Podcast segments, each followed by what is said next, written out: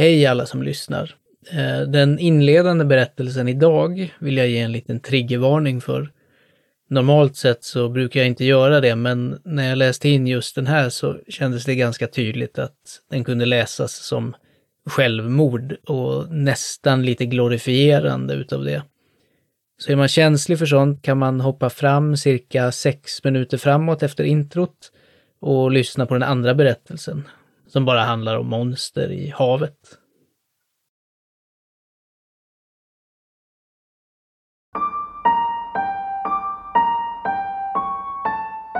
Det här är Lovecraft på svenska. En podd där jag, Fredrik Johansson, läser in mina egna översättningar av skräckförfattaren H.P. Lovecrafts berättelser. Vi börjar från början i den ordning de skrevs och fokus ligger på de berättelser med kopplingar till Cthulhu-mytologin. Men det kan smita med andra saker också. En stående varning om de här berättelserna är att de stundtals innehåller rasistiskt och förlegat språkbruk. Mer om mina tankar kring detta finns att läsa på poddens hemsida. Dagens avsnitt är ett dubbelavsnitt med Ex Oblivione från 1920 eller 1921 samt Vad månen för med sig från 1922. Ex Oblivione är en berättelse om en man som i sina drömmar finner en stor mur, vilken han desperat vill ta sig igenom. Även om det är okänt vad som gömmer sig bakom murens bronsport. Vad månen för med sig baseras enligt utsago på en dröm som Lovecraft hade. Berättelsen har tydliga drag av detta, både hur miljöerna beskrivs men också hur huvudpersonen plötsligt blir medveten om hur saker förhåller sig och hur självklara dessa insikter är. Vår drömmare finner sig i en skog, följande en bäck som snart leder ut till en strand. Den rinner ut i havet, där han kan se ett rev långt ut till havs, som kröner vågorna. God lyssning.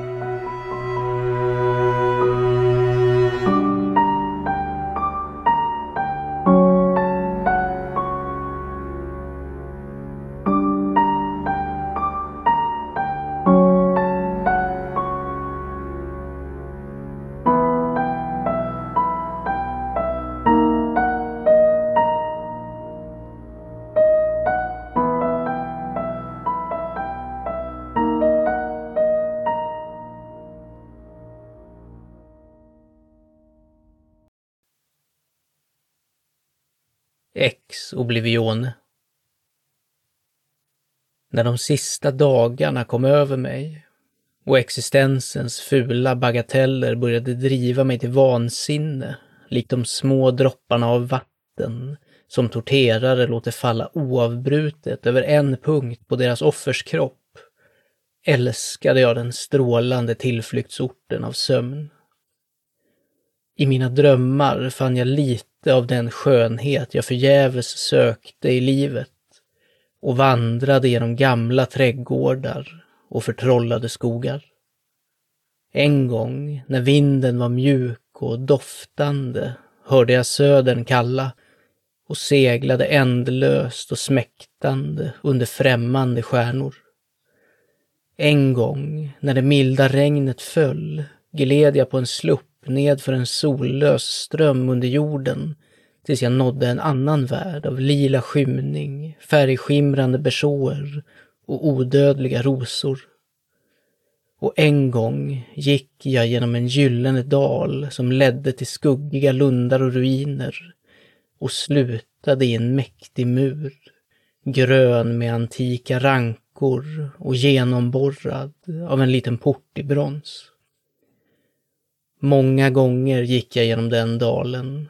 Och längre och längre stannade jag till i det spektrala halvljuset där jättelika träd slingrade och vred sig groteskt. Och den gråa marken sträckte sig fuktig från stam till stam, ibland avslöjande de mögelfläckade stenarna från begravna tempel.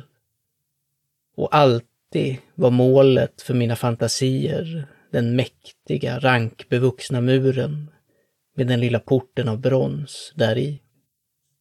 Efter ett tag, när de vakna dagarna blev mindre och mindre uthärdliga av deras gråhet och enformighet, drev jag ofta i opatisk frid genom dalen och de skuggiga lundarna och undrade hur jag skulle kunna ta dem som min eviga boning, så att jag inte längre behöver krypa tillbaka till en trist värld tömd på intresse och nya färger. Och när jag såg på den lilla porten i den mäktiga muren kände jag att bortom låg ett drömland från vilken, när man väl trätt in, det inte fanns någon återvändo. Så varje natt i sömnen strävade jag efter att finna den dolda spärren på porten i den murgrönstäckta antika muren, fast den var mycket väl gömd. Och jag sa till mig själv att riket bortom muren inte bara var mer varaktigt, utan mer vackert och strålande också. Så en natt i drömstaden Sakarion fann jag ett gulnat papyrus fyllt med tankarna från visa drömmän som levde i den staden i gamla tider och som var för visa för att någonsin födas i den vakna världen. Där i stod mycket skrivet om världen av drömmar och bland dem fanns lärdomen om en gyllene dal och en helig lund med tempel och en hög mur genomborrad av en liten bronsport. När jag såg denna lärdom visste jag att den berörde scenerna jag hade hemsökt och jag läste därför länge i det gulnade papyruset. Vissa av drömmännen skrev vackert om underverken bortom den okuvliga porten, men andra berättade om fasa och besvikelse. Jag visste inte vilket jag skulle tro, men längtade ändå mer och mer efter att för alltid gå in i det okända landet. För bortom tvivel och hemlighet finns lockelsernas lockelser och ingen ny fasa kan vara mer förskräcklig än den dagliga tortyren av det alldagliga. Så när jag lärde om drogen, vilken skulle låsa upp porten och driva mig igenom den, beslöt jag att ta den nästa gång jag vaknade. Förra natten svalde jag drogen och flöt drömmande in i den gyllene dalen och de skuggiga lundarna. Och när jag denna gång kom till den antika muren såg jag att den lilla porten av brons stod på glänt. Från bortom kom ett sken som märkligt lyste upp de jättelika vridna träden och topparna på de nedgrävda templen och jag drev sångfull vidare, förväntansfull på landets härligheter från vilket jag aldrig skulle återvända. Men när porten öppnades mer och trolldomen från drogen och drömmen drev mig igenom visste jag att alla sevärdheter och härligheter var över. För i det nya riket fanns varken land eller hav, utan endast det vita tomrummet av obefolkat och obegränsat utrymme. Så, lyckligare än jag någonsin hade vågat hoppas på att vara, upplöstes jag igen in i den infödda oändligheten av kristallglömska från vilken demonen livet hade kallat mig för en kort och ödslig timme.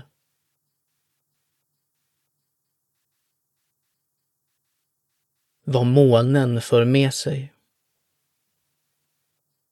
Jag hatar månen. Jag är rädd för den. För när den lyser på vissa scener, bekanta och älskade, gör den dem ibland obekanta och avskyvärda. Det var på den spektrala sommaren när månen lyste ned på den gamla trädgården där jag vandrade den spektrala sommaren av narkotiska blommor och fuktiga hav av lövverk som för med sig vilda och mångfärgade drömmar. Och när jag gick förbi den grunda kristallbäcken såg jag oväntade krusningar toppade med gult ljus, som om det lugna vattnet drogs vidare i motståndslösa strömmar till märkliga oceaner som inte är i världen. Tysta och gnistrande, ljusa och hotfulla, det där månförbannade vattnet skyndade sig, jag vet inte vart hän, medan vita lotusblommor fladdrade en efter en i den opatiska nattvinden och föll förtvivlat ner i bäcken, virvlade iväg hemskt under den välvda snidade bron och stirrade tillbaka med den olycksbådande resignationen hos lugna, döda ansikten. Och när jag sprang längs stranden, krossande, sovande blommor med tanklösa fötter och alltid driven till vanvett av rädslan för okända saker och lockelsen av döda ansikten, såg jag att trädgården inte hade något slut under den månen. Ty där det vid dag fanns murar sträckte sig nu endast nya vyer av träd och stigar, blommor och buskar, stenidoler och pagoder och krökningar av den gult upplysta bäcken förbi gräsbevuxna banker och under groteska broar av marmor. Och läpparna på de döda lotusansiktena viskade sorgset och bad mig att följa. Inte heller upphörde jag med mina steg förrän bäcken blev en flod och förenade sig bland myrar av vajande vass och stränder av glittrande sand med kusten av ett vidsträckt och namnlöst hav. På havet lyste den hatiska månen och över dess fåmälda vågor ruvade sällsamma parfymer. Och när jag såg lotusansiktena försvinna där i längtade jag efter ett nät så att jag kunde fånga dem och lära från dem de hemligheter vilka månen hade fört över natten. Men när månen gick över till väst och det stilla tidvattnet ebbade ut från den dystra stranden såg jag i det ljuset gamla spiror som vågorna nästan blottade och vita kolonner glada med festonger av grönt sjögräs. Och vetande att till denna sjunkna plats hade alla döda kommit darrade jag och önskade inte igen att tala med lotusansiktena. Men ändå, när jag långt ut i havet såg en svart kondor stiga ner från himlen för att söka vila på ett vidsträckt rev, skulle jag villigt ha förhört honom och frågat honom om dem som jag hade känt när de levde. Detta skulle jag ha frågat honom om han inte hade varit så långt borta men han var väldigt långt borta och kunde inte ses alls när han närmade sig det gigantiska revet. Så när jag såg tidvattnet gå ut under den där sjunkande månen och såg glansen av spirorna, tornen och taken på den där döda, droppande staden. Och medan jag tittade försökte mina näsborrar stänga sig mot den parfymövervinnande stanken från världens döda. Ty sannerligen, på denna oplacerade och bortglömda plats hade allt kött från kyrkogårdarna samlats för pösiga sjömaskar att gnaga och frossa på. Över dessa fasor hängde den onda månen nu mycket lågt. Men de pösiga maskarna från havet behöver ingen måne för att göda sig. Och när jag såg krusningarna som berättade om de vridande maskarna under kände jag en ny kyla långt bort ifrån, ute varthän kondoren hade flugit, som om mitt kött hade fångat en fasa innan mina ögon hade sett den. Inte heller hade mitt kött darrat utan själ, för när jag höjde mina ögon såg jag att vattnet hade ebbat ut väldigt lågt och visade mycket av det vidsträckta revet vars kant jag hade sett förut. Och när jag såg att detta rev blott var den svarta basaltkronan av en chockerande ikon vars monstruösa panna nu sken i det dunkla månskenet och vars vidriga hovar måste krafsa det helvetiska slemmet miltals nedanför, köt jag och köt för att det gömda ansiktet inte skulle stiga över vattnet och för att de dolda ögonen inte skulle se på mig efter att den där sneglande och förrädiska gula månen slunkit iväg. Och för att undkomma denna obevekliga sak störtade jag glatt och utan tvekan ned i de stinkande grynnorna där, bland tångklädda väggar och sjunkna gator, feta sjömaskar festar på världens döda.